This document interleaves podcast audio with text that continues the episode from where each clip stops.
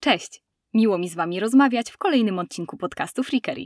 Bo na wstępie, jak zawsze muszę przyznać, że zawsze wtedy, kiedy zamykam się w swojej garderobie i mówię do mikrofonu między butami, wyobrażam sobie Was po drugiej stronie. Jeśli jeszcze się nie znamy, nazywam się Joanna Hoffman, a to jest podcast, gdzie rozmawiamy o historii mody i nie tylko. I pamiętajcie, jeśli podoba Wam się ten podcast, będę przeszczęśliwa, jeśli go ocenicie na Spotify. Spragnionych obrazów, kolorów i masy modowych zdjęć zachęcam do odwiedzenia kanału na YouTube, gdzie raz w miesiącu pojawia się nowy odcinek. I tutaj, jak zawsze, bardzo, bardzo dziękuję gronu moich patronek. Z jednej strony nagrywanie odcinków bezpośrednio po czyjej śmierci zawsze ma dla mnie jakieś ziarenko smutnej makabry, ale z drugiej strony, już to chyba powtarzałam, może warto wykorzystać ten czas wzmożonego zainteresowania do przemycania garści informacji, żeby celebrować i zapamiętać. A był taki czas w historii mody, gdzie napis seks stracił buduarową przytulność i nabrał punkowego pazura, który z czasem wydrapywał coraz więcej smaczków z historii Wielkiej Brytanii, baśniowych nawiązań i nie tylko.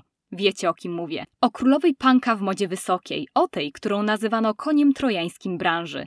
Przed wami kilka powodów, dla których trzeba pamiętać o Vivienne Westwood – jeśli chcecie dowiedzieć się, co z Vivienne Westwood ma wspólnego Seks w Wielkim Mieście, Kate Moss i Matisse, słuchajcie podcastu. Początki. Vivienne Westwood urodziła się w 1941 roku jako Vivienne Swire w niewielkiej wiosce w hrabstwie Derbyshire. Jak wiele rodzin w powojennej Wielkiej Brytanii, rodzina Swire poszukiwała miejsca, żeby się osiedlić i zarobić na życie.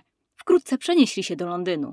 Vivien podjęła kurs złotniczy i wytwarzania biżuterii na Uniwersytecie Westminsterskim. Choć przejawiała talent manualny, a nawet sprzedawała swoją biżuterię na Portobello Road, wspominała, że nie miała pojęcia, jak prosta dziewczyna z klasy robotniczej miała mieć cokolwiek wspólnego ze sztuką. Los bywa jednak przewrotny. Kolejne lata wydawały się poukładane, stabilne, wiecie, by the books.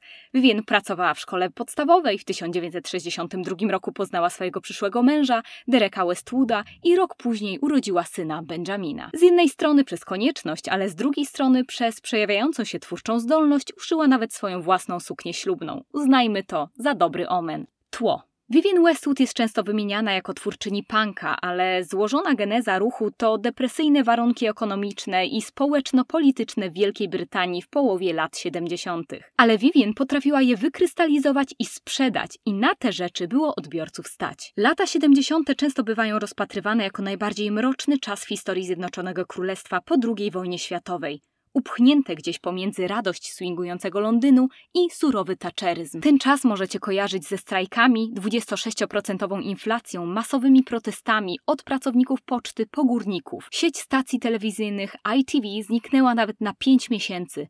Płace górników nie były znacząco podnoszone od okolic II wojny światowej. Związki zawodowe domagały się ponad 40% podwyżki. Zaczęły się strajki, został wprowadzony stan wyjątkowy, włączający zresztą blackouty.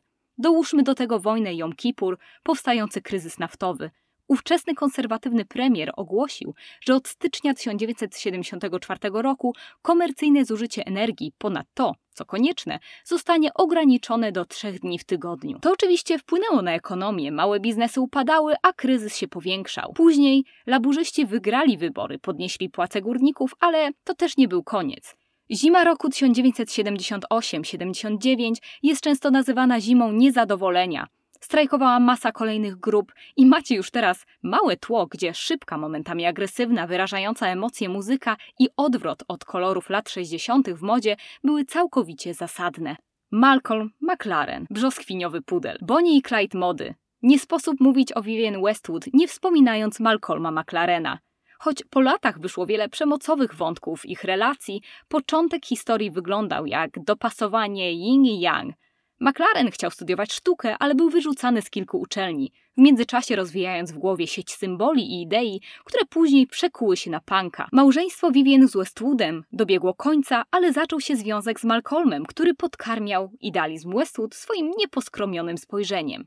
Według The Times McLaren poznał Vivienne Westwood w skłocie i zaczęli związek, gdy Westwood zaszła w ciążę.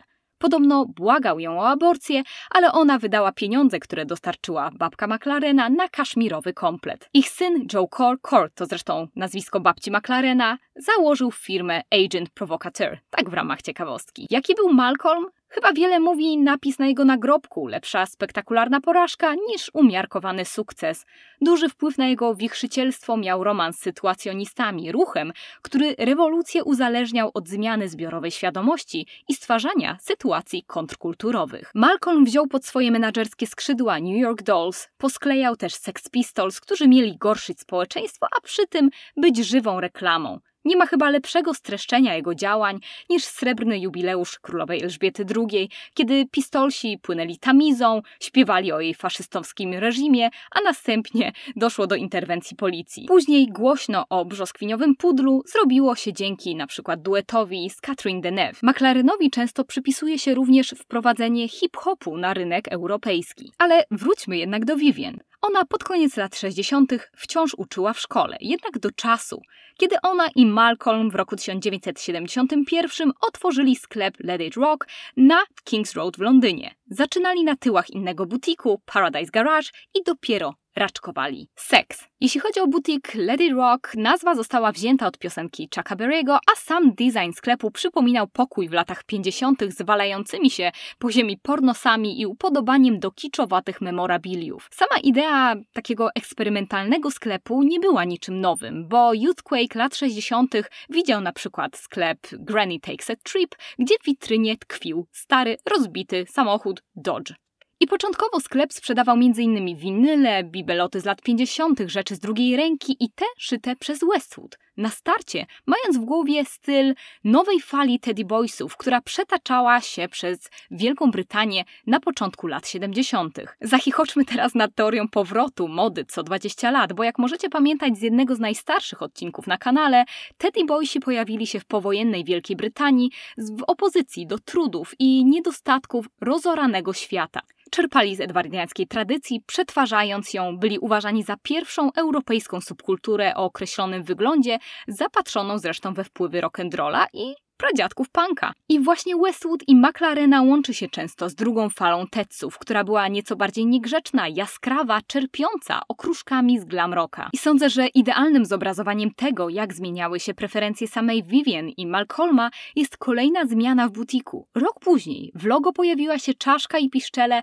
a nazwa zmieniła się na Too Fast to Leave Too Young to Die. Ubrania nabierały ostrzejszego sznytu, ze wszystkimi zamkami, skórą i tym, co łączono z estetyką rockersów jeśli pamiętamy tych, którzy naparzali w latach 60. moców. Z czasem zaczynało się robić coraz bardziej mrocznie. Vivien wspominała, że będąc zainspirowaną anarchistycznymi poglądami Malcolma, dryfowała w stronę modowej destrukcji. Cięła, szyła na nowo, spinała agrafkami i niedbałym szwem. Wybielała, dodawała kości kurczaków i hasła takie jak perv czy scam. Często używała też rzeczy deadstockowych, nigdy nie użytych, ale mających już swoje lata. Vivien i Malcolm mieli apetyt na więcej. Po drodze przydarzyła się nawet rozprawa sądowa w związku z obrazoburczymi nadrukami na koszulkach. Jak widzicie, sklep Westwood i McLarena był barometrem zmian na ulicy, ale też ich własnych nowych inspiracji. I tak mamy rok 1974. Butik otwiera się pod nazwą Sex jasno flirtując fetyszyzacją niektórych elementów garderoby,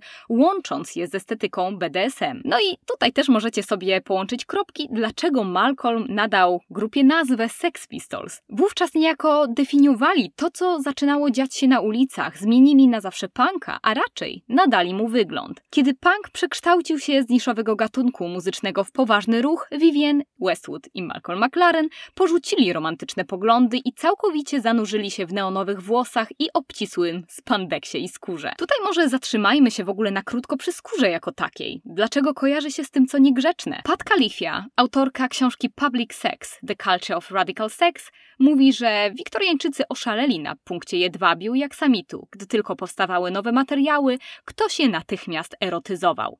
Mówi się też, że skóra nabrała szczególnie fetyszystycznego znaczenia po II wojnie światowej. Zauważcie, że odzież, wszystkie czapki, bryczesy ma często sporo nawiązań do ubrań wojskowych.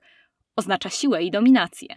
Wspomniana przeze mnie książka teoretyzowała też o zagubieniu i powojennej traumie mężczyzn, którzy szukali właśnie męskiego towarzystwa i zrozumienia. Później, w latach 50., mamy męskie kluby motocyklowe, mamy rockersów, którzy stali się kulturowym symbolem męskości, niebezpieczeństwa, też niejako fetyszyzując pewien mocny styl i często nosząc skórę. I myślmy tutaj o powiązaniu takich haseł jak Tom of Finland, Robert Mapplethorpe, Marlon Brando czy James Dean. Ale wracając do Vivien, reklamowała ona butik jako lateks, który założysz do biura. Dlaczego tyle o butikach? Bo były epicentrum, kwintesencją życia wielu marek. A przy tym definiowały styl życia, do jakiego aspirowali odbiorcy i tak jak Dior czy Chanel rozpylali w swoich perfumy, dzięki Bibie i butikowi w latach 60. to były modne miejsca dostępne dla każdego. Butik Sex był otwarty w przeróżne dni o różnych godzinach. Ściany były miękkie, różowe, przypominające wnętrze pochwy, pomazane graffiti z manifestu Scam radykalnej feministki Valerie Solanas. Pojawiały się pejcze i łańcuchy, gigantyczne, realistyczne piersi. Nad drzwiami widniał napis Craft must have clothes, but truth loves to go naked. Ważna dla charakteru sklepu była Jordan, wyglądająca jak mondrianowska domina. Westwood miała swoją pierwszą muzę. Wieść po mieście się niosła. Kolejne osoby były aresztowane za noszenie prowokujących t-shirtów, na przykład dwóch nagich kowbojów od artysty, który używał pseudonimu Ripcold, czy Swastik. W sklepie przesiadywali pistolsi i na przykład tak zwany Bromley Contingent, czyli oddani fani Sex Pistols, włączając zresztą, co ciekawe, Siouxsie Sioux, Billego Idola czy Sue Catwoman. Oni też popularyzowali projekty z butiku. Tu warto się szczególnie ukłonić Siuxi, bo jej styl jest do dziś od razu kojarzony z punkiem i rodzącą się subkulturą gotycką, a niedawno zresztą przeżywa renesans zainteresowania przez serial Wednesday. Co można było wówczas znaleźć w butiku? Wszystko, począwszy od fetyszu i bondage na punku kończąc. Personalizowane kreacje Vivien, właśnie wspomniana gumowa odzież do biura, kabaretki, biustonosze odsłaniające piersi. Sukces seksu był ogromny, a prostytutki i elita artystyczna Chelsea spotykały się w tym miejscu na zakupach. Butik wciąż się zmieniał. Później trwał jako Seditionaries, a finalnie został nazwany The World Ends z 13-godzinnym zegarem cofającym czas i tak już zostało. No nie mogło być bardziej punkowo.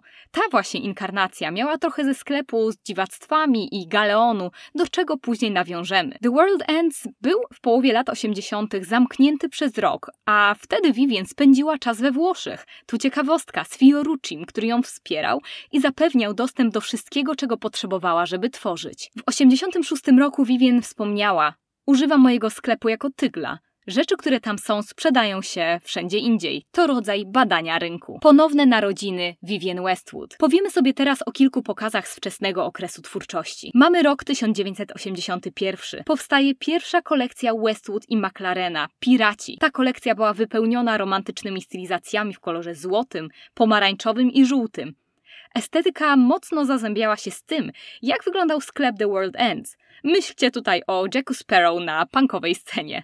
To była opowieść o kolonializmie i zapożyczeniach. Westwood badała stroje historyczne, inspirowała się rdzennymi Amerykanami, nostalgią za maskaradami i wręcz filmowym ujęciem XVIII-wiecznych rabusiów. I cóż, ten pokaz uznaje się za jeden z kształtujących zresztą kolejny ruch New Romantic. Dobra robota, Vivien, zdefiniowałaś kolejną subkulturę. I możecie teraz spojrzeć na przykład na wizerunek Edama Anta z tamtego czasu, streszcza wiele. A zresztą też stał za nim McLaren. To zawsze zabawne, jak jeden nurt widziany jako radykalny i nowy, nagle jest zmiatany przez coś kompletnie innego. I New Romantic z miękkimi liniami, makijażem kobiet i mężczyzn zacierał kanciastość punka. W tamtym czasie Westwood powiedziała, że spędziliśmy 10 lat reasymilując lata 30. przez pryzmat lat 70., a lata 80. będą technologiczną erą, gdzie będziemy musieli się wyposażyć w tęsknotę za ludzkim ciepłem, za kulturą, którą zapożyczymy z czasu piratów i Ludwika XIV. Następnie przyszła pora na kolekcję Savage, która była ukłonem w stronę płaskich, prostszych form. Patrzcie, co się dzieje zaledwie rok później, prawda? Westwood mówiła, że inspirował ją tutaj Picasso. Bardzo popularnym elementem była sukienka toga, niby dla kobiet, ale była bardzo popularna na scenie klubowej i nosił ją na przykład Boy George. Była też kolekcja Punkature. Wkrótce po niej Westwood i McLaren rozstali się. Można rozpatrywać rozpatrywać ją jako ironiczną nazwę, kiedy punk staje się couture. Vivien sama farbowała materiały, sylwetki składały się m.in. ze spódnic z wysokim stanem, printy, to miks neonów Blade Runnera i tradycyjnych francuskich wzorów. Kapelusze pozwalały wyciągać włosy górą, a buty były zrobione ze skrawków opon przytroczonych do stóp sznurkami. W wywiadzie po pokazie Malcolm i Vivien mówią o historii, która jest dla nich najważniejsza w ubraniach. Mają wyglądać jak wykopane z podziemi, noszące charakter osoby, która ma je na sobie. Kolekcja Witches to fascynacja Kithem Haringiem jego twórczością, prostymi, drżącymi od dynamiki formami, a przy tym uwielbianym przez nią historycznym pastiszem. Ale przejdźmy teraz do roku 1985 kolekcja Mini Crini, czyli duży przełom w twórczości Vivien. Dopasowane kroje, pójście w zupełnie innym kierunku. Pojawia się linia A, sylwetki są inspirowane królową Elżbietą jako dziewczynką oraz baletem Petruszka. Vivien ponownie ubija poprzednie tendencje, tym razem niwelując szerokie ramiona i przenosząc uwagę na biodra. Modelki są zmysłowe, flirtujące, zaczyna się puszczanie oka do wirtuozerii brytyjskiego krawiectwa. Wyróżniającym się strojem Mini Creenie była krótka spódniczka w kształcie dzwonu. Kolejny bezczelnie erotyczny strój, który łączył zarys dziecięcej sukienki ze skróconą wersją wiktoriańskiej krynoliny. Vivien była pierwszą projektantką, która w XX wieku przywróciła gorset w jego oryginalnej formie, nadała mu zupełnie nowy kontekst. Coś, co było lata ukryte, nagle wyszło na światło dzienne. Lata pogańskie. Tak określany jest czas twórczości Vivien pomiędzy 88 a 93 rokiem. Uznanie wobec niej rosło i moim zdaniem, choć McLaren pozwolił jej wypłynąć, dopiero teraz w pełni rozwijała skrzydła. Przy okazji była wówczas też wykładowczynią akademicką. Choć Vivien przez całe swoje życie mówiła o zwalczaniu systemu, w jej twórczości miało to Teraz nieco inne odsłony. W tym czasie kobiety Vivien były nazywane taplerkami od tytułu magazynu skupiającego się na wyższych sferach, ale jej modelki były przy tym drwiące, nie miały wcale aspirować do tego typu życia, parodiowały je. Przenieśmy się teraz do kolekcji jesień-zima 87-88 Harry's Tweed. Mieszkańcy hybrydów zewnętrznych w Szkocji tkają piękną, misterną tkaninę znaną jako Harry's Tweed. Jest to jedyna tkanina na świecie chroniona przez ustawę parlamentu, co oznacza, że zgodnie z prawem musi być wykonana z czystej dziewiczej wełny, barwionej i tkanej ręcznie. Westwood dalej sięga do sylwetek rodziny królewskiej, po swojemu. Pojawiają się gorsety, klasyczne garsonki. Niech podsumowaniem tej kolekcji będzie cytat samej Westwood. Nigdy nie jestem bardziej szczęśliwa niż wtedy, gdy parodiuję Brytyjczyków. I moim zdaniem to wcale nie jest lekceważące, to wyraża miłość Vivien wobec historii i też chęć wpłynięcia na współczesność, którą chciałaby zmienić. Lata pogańskie to także kolekcja Time Machine, która została zainspirowana powieścią Wellsa i była częścią serii pięciu kolekcji, znanych później jako Britain Must Go Pagan. Westwood połączyła eklektyczne elementy, takie jak tradycyjne brytyjskie tkaniny, swetry z Fair Isle z wzorami z gier komputerowych, metalowe gorsety i elementy inspirowane średniowiecznymi zbrojami. Mamy rok 91 i kolekcję Cut and Slash. Westwood szuka inspiracji w portretach Tudorów i XVII-wiecznej praktyce cięcia jedwabnych tkanin. Przestudiowała zachowane przykłady takiej odzieży w archiwum Wiktorii Alberta. Wielokrotnie sięgała w przeszłość w poszukiwaniu inspiracji, czerpiąc wskazówki z historii sztuki, mody i literatury. Nigdy nie zadowalała się jedynie podążaniem za tym, co było wcześniej. Ponownie interpretowała te wszystkie elementy. Tutaj tylko na szybko wspomnę, że nie dam rad wymienić wszystkich kolekcji, to mój subiektywny wybór, ale zobaczcie, jak zmieniały się inspiracje, porównując te kolekcje, o których mówiłam, z na przykład Always on the Camera, gdzie w centrum były lata 30., a muzą była Dietrich.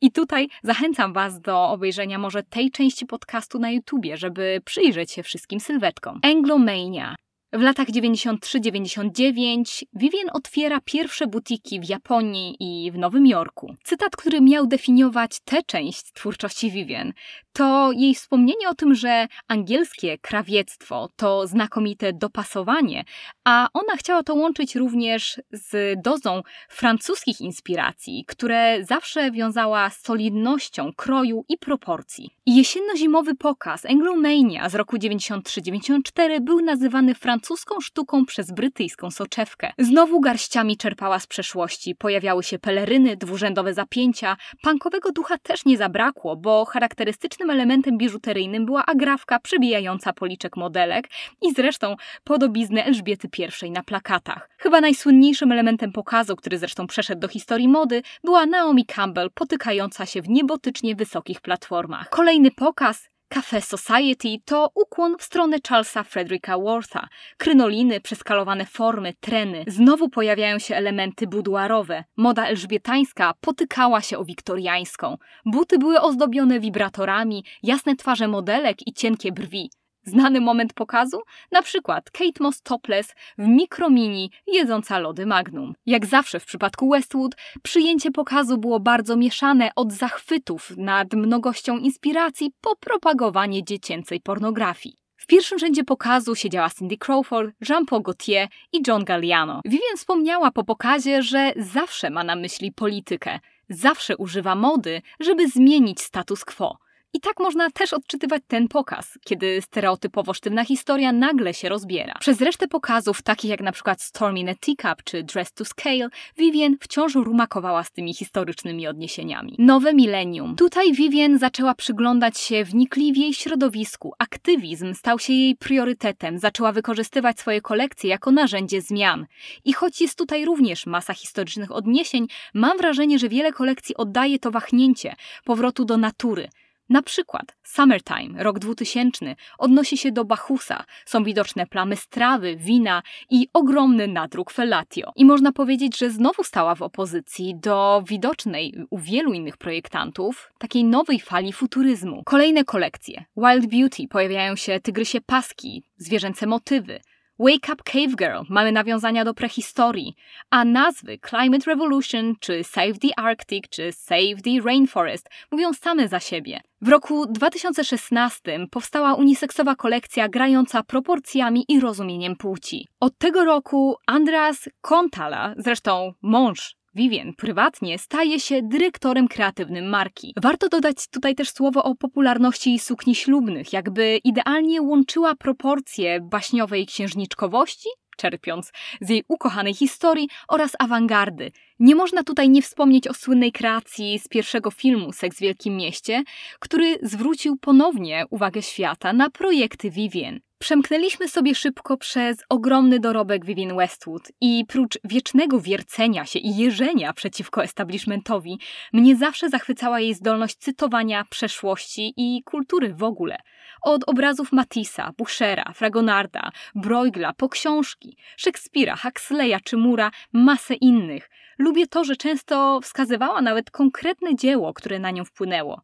Jednym ze słynniejszych przykładów jest zresztą bardzo cenny kąsek dla kolekcjonerów. Gorset z nadrukiem obrazu Bushera z kolekcji Portraits. I znowu niech przemówi sama Vivien, która wspomniała, że XX wiek był błędem, że to era ikonoklastów, którzy twierdzą, że historię należy wyrzucić do śmieci, że przeszłość jest nic nie warta i jedyne co mamy robić, to podążać za tym, co nowe. I w opozycji powiedziała słynne słowa Buy less, choose well, make it last. Czyli kupuj mniej, wybieraj dobrze i spraw, żeby te wszystkie rzeczy przetrwały lata. W 1991 roku Vivien została odznaczona tytułem brytyjskiej projektantki roku, a rok później królowa Elżbieta przyznała jej order Imperium Brytyjskiego, gdzie tutaj projektantka wywołała niemałe zamieszanie, nie założyła na ceremonię majtek, co uwiecznili oczywiście paparazzi. Podobno królowa uznała to za nawet zabawne i w 2006 roku przyznała jej tytuł damy.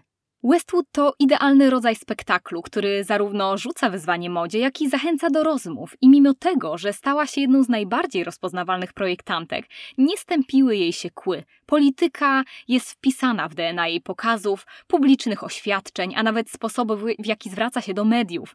Jak wtedy, kiedy na przykład wcieliła się w Margaret Thatcher, na okładce zresztą wspomnianego Tatlera z roku 89 i podobno żelazna dama była wściekła. W 2014 roku podczas rozmowy z The Guardian wspomniała, że to zmiana klimatu, a nie moda jest teraz moim priorytetem, powiedziała Vivien w rozmowie z The Guardian w roku 2014. Od tego czasu tworzyła ubrania z punkowymi hasłami i organizowała na wybiegach protesty związane z Brexitem, globalnym ociepleniem i wolnością słowa. To, czego teraz chcę, mówiła, to zrównoważony biznes modowy. To nie tylko kwestia braku plastiku. Chcę pięknych ubrań w odpowiedniej cenie. I później powiedziała te trzy zdania, o których sobie mówiliśmy wcześniej, czyli kupuj mniej, wybieraj dobrze i spraw, żeby wszystko starczyło na długo. Punk był zarówno produktem, jak i ofiarą kapitalizmu. Był najszybciej strawiony ze wszystkich dotychczasowych subkultur młodzieżowych, padł ofiarą masowego marketingu w mniej niż 3 lata. Punk był też wczesnym przejawem mody dekonstruowanej, która jest ważnym elementem późnego XX wieku. Styl postmodernistyczny nadal jest widoczny w pracach współczesnych projektantów mody, takich jak np. Rei Kawakubo czy Martin Margiela. A Vivien zmarła pod koniec 2022 roku. Na ostatnim pokazie marki po raz pierwszy była nieobecna. Lejce przejął jej mąż. Zobaczymy, co teraz nam pokaże. Odcinki portrety są dla mnie zawsze najtrudniejsze, bo po dziesiątkach godzin czytania trzeba brutalnie wybrać to, co moim zdaniem najciekawsze. I dlatego mam nadzieję, że poznaliście Vivien lepiej i teraz łatwo będziecie nawiązywali do jej dorobku i być może sami poszperacie w tym, co was zachwyciło. A sam dorobek jest niesamowity. Nigdy nie stępiła pazurów, nigdy nie uczesała kolekcji. Niektórzy zarzucali jej, że projekty nie nadawały się do noszenia. Może niektóre były trudne, ale pokazywały coś więcej. Wieczne przenikanie się sztuki, co latami fascynowało Westwood. To cóż, wygląda na to, że to tyle w tym odcinku podcastu Freakery. Miło było Was podjąć wirtualną herbatą. Jak zawsze jestem ciekawa Waszych opinii. Miejcie się wspaniale i do usłyszenia lub zobaczenia w kolejnym odcinku.